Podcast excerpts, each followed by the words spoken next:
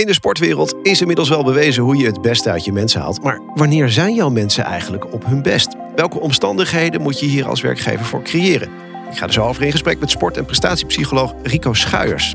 En ook hoor je Barbara Snijder. Zij is HR-directeur bij CZ. Benadert werk in ieder geval als topsport. En daarom bieden ze bij CZ niet alleen klanten, maar ook medewerkers zorg die verder gaat. In haar verhaal hoor je hoe sport onderdeel is van haar werkdag. Ik ben Bart-Jan Kuhne en dit is HR360, een podcast van Mercer. Het belangrijkste HR-nieuws van deze maand komt uit het onlangs verschenen Global Talent Trends rapport. Met daarin interessante inzichten. Natuurlijk over het omgaan met talent zelf. Hoog op de wensenlijst bij werknemers staat een goed vormgegeven talentproces. Maar laten we nog iets dieper ingaan op de cijfers. Zo verwacht 82% van de werknemers dat hun werkgever echt iets doet voor de samenleving. Een positieve bijdrage wordt verwacht en ook gewaardeerd. En van elke 100 werknemers zijn er 85 bewust bezig met de risico's van een burn-out. Een welzijnsstrategie is daarom belangrijker dan ooit.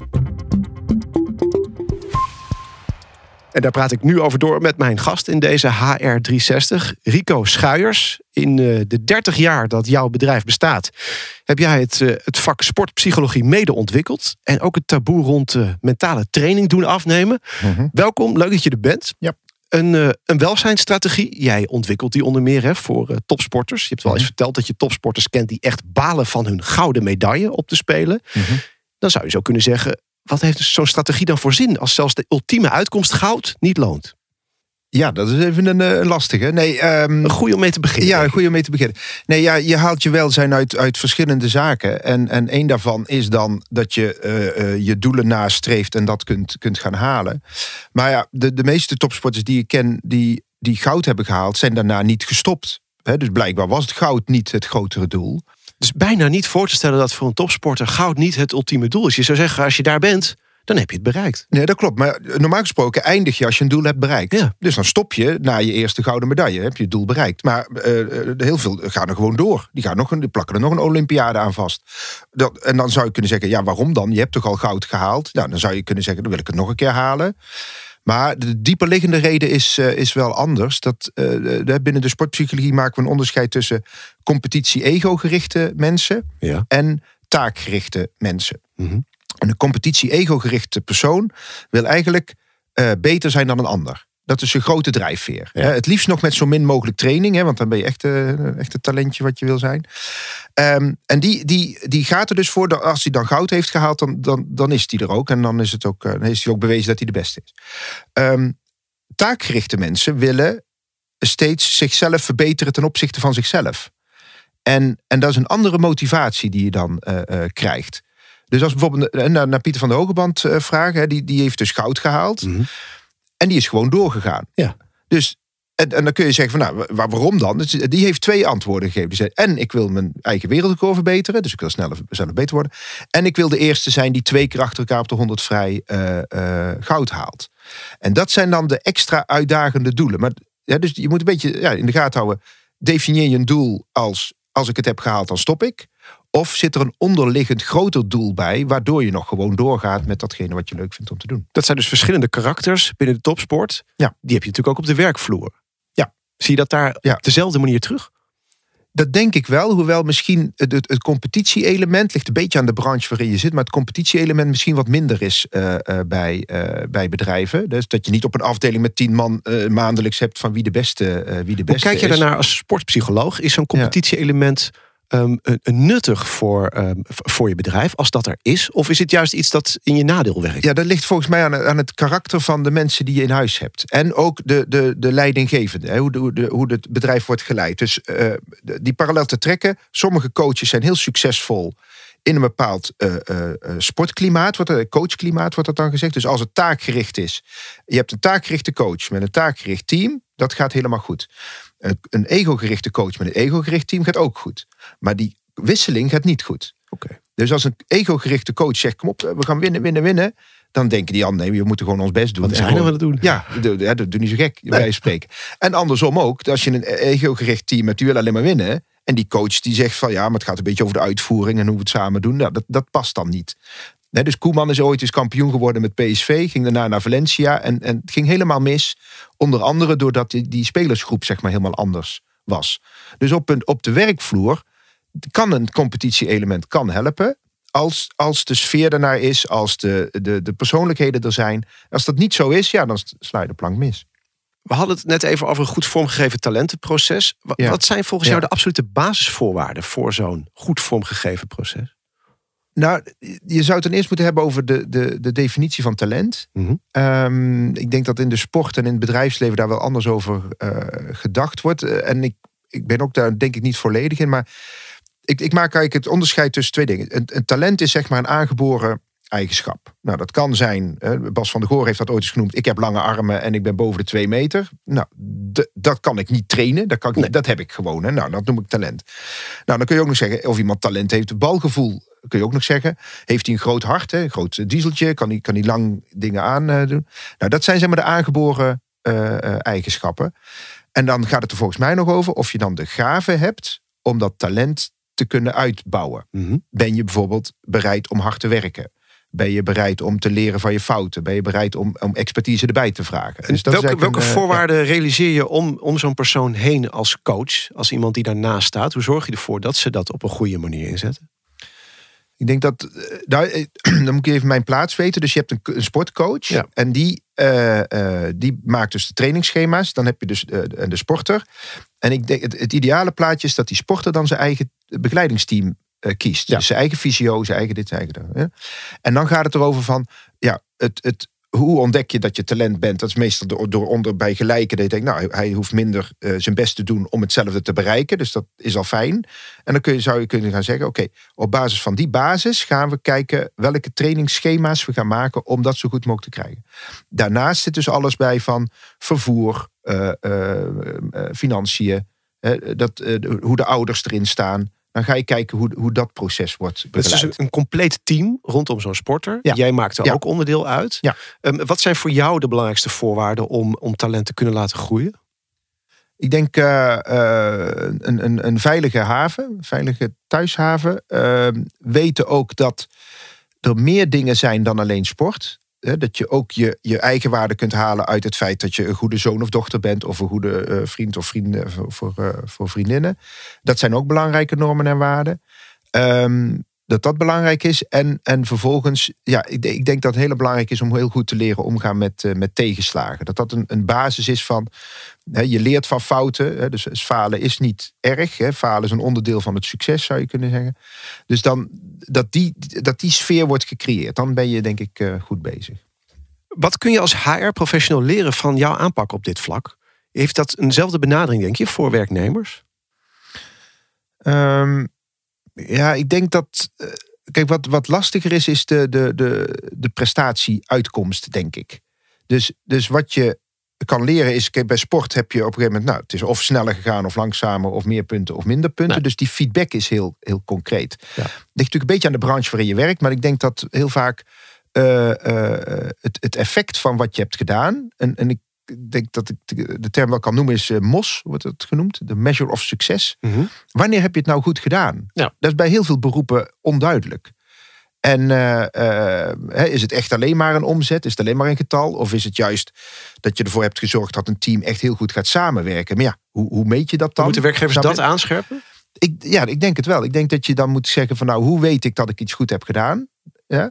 Aan de andere kant kunnen ze dan zeggen, ja, maar dan worden er weer doelen gesteld. Dan zijn we alleen maar bezig met die doelen te, te halen.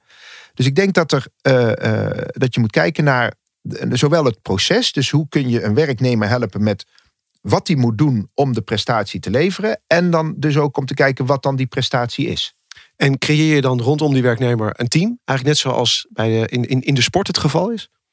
Ja, het ligt een beetje aan hoe de organisatie ge- gemaakt is. Maar ik denk het wel. Ja, je kunt dan denk ik wel mensen erbij halen die dat, eh, die dat kunnen doen.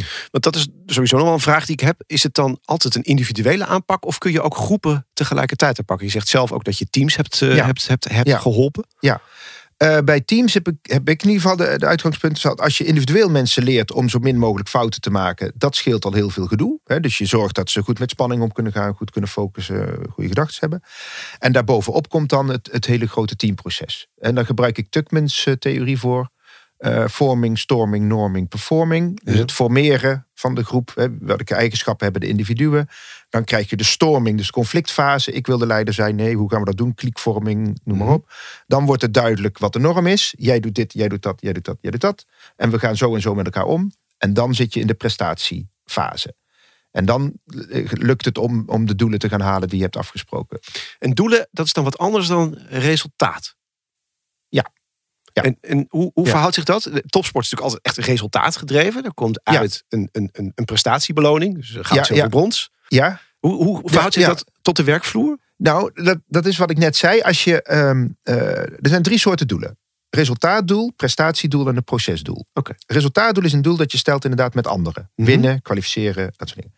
Prestatiedoel is in de sport uh, het vergeleken met jezelf. Dus tijd, afstand, punten.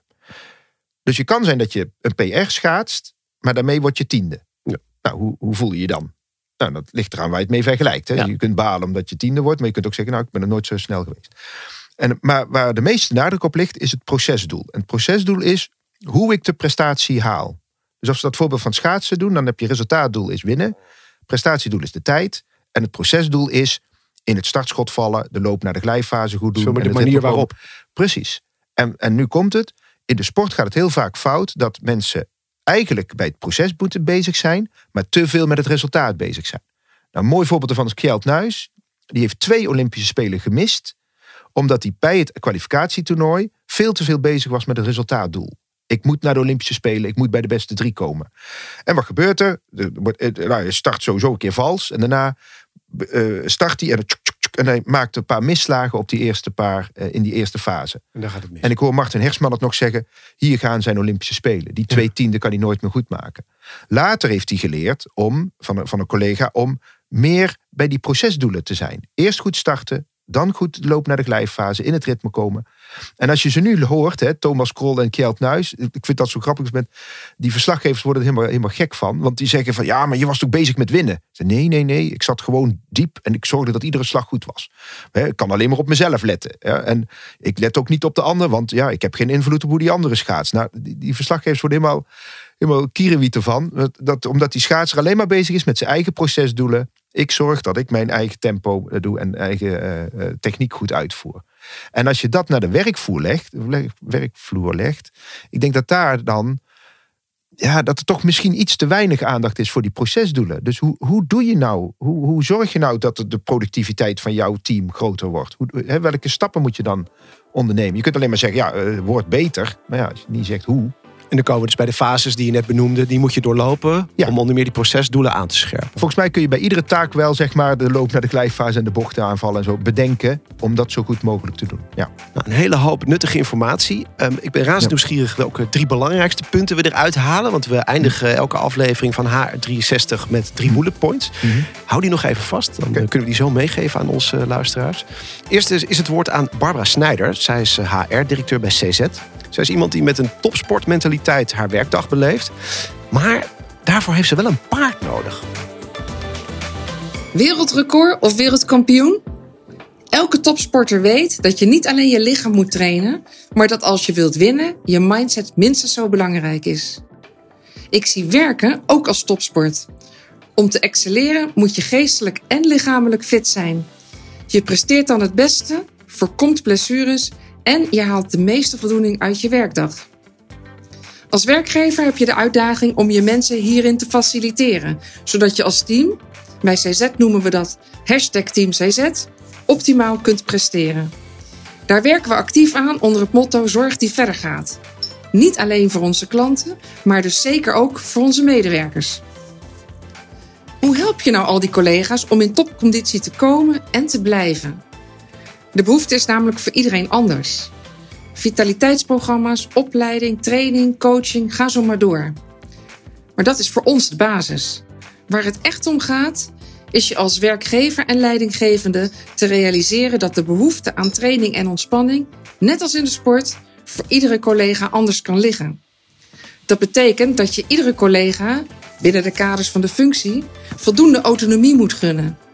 Autonomie in het werk en vooral in het werken aan de geestelijke en lichamelijke conditie. Voor mij betekent dat bijvoorbeeld paardrijden. Dat is vast onderdeel van mijn dagelijkse routine, ook tijdens werkdagen. En ja, daar blok ik dus mijn agenda voor. Buitenlucht, hoofd leeg en meters maken met mijn paard Bink. Bij CZ willen we dat iedereen goed voor zichzelf zorgt. En dit is mijn manier om te werken en leven vanuit de beste versie van mijzelf. Zijn jouw collega's ook topsporters? Bied je daar als werkgever voldoende ruimte voor? En weet je hoe dat voor jouzelf werkt? Onthoud, een collega die zijn werk met energie en plezier doet, draagt het beste bij aan de prestaties en het werkplezier van iedereen. Barbara Snijder, HR-directeur bij CZ. Autonomie, vindt zij een belangrijk punt? Vind jij dat ook? Ja, ja. Er zijn veel onderzoeken dat als mensen weinig controle ervaren, dat ze dan eerder ziek zijn en, en, en minder goed kunnen presteren. Uh, dat is, dat zelfs ook in, in de medische wetenschap. Uh, hè, als je zelf mag bepalen hoeveel pijnstiller je krijgt, hoef je veel minder uh, pijn te, toe te dienen dan als een ander dat bepaalt. Dus dat gevoel van autonomie, controle, is echt, echt heel erg belangrijk voor je mentale gezondheid.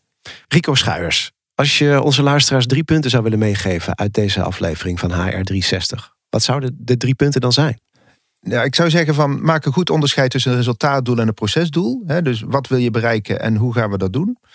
Een andere is een beetje aansluitend op die autonomie. Zorg dat de mensen inderdaad controle hebben over hun eigen energiemanagement. Dus het plussen en het minnen. En het mooi voorbeeld van het plussen is dingen doen die energie opleveren. Zodat de dingen die je energie kosten, dat die beter kunnen uh, gaan. En uh, dat werknemers echt ook dingen doen die ze energie opleveren. Dus dat ze niet alleen maar dingen doen die ze energie kosten, maar zorgen ervoor dat je het goed in balans krijgt. Hè? Want dan kun je voorkomen dat die burn-out komt. Je kunt echt zorgen dat je daardoor uh, alle zaken, werk, privé, maar ook in het werk, de dingen goed in balans houdt. Helder verhaal. Het eh, Global Talent Trend Report, waar we uitgebreid over spraken, staat eh, nu online. Kun je ook downloaden via hr360.nl. Rico Schuijers, dankjewel voor je komst naar eh, de studio. De volgende HR360 gaat het over de power of purpose. Hoe zorg je ervoor dat zo'n purpose ook echt een positieve bijdrage levert aan je organisatie, je werknemers, je klanten en de wereld daaromheen? Ik hoor je dan.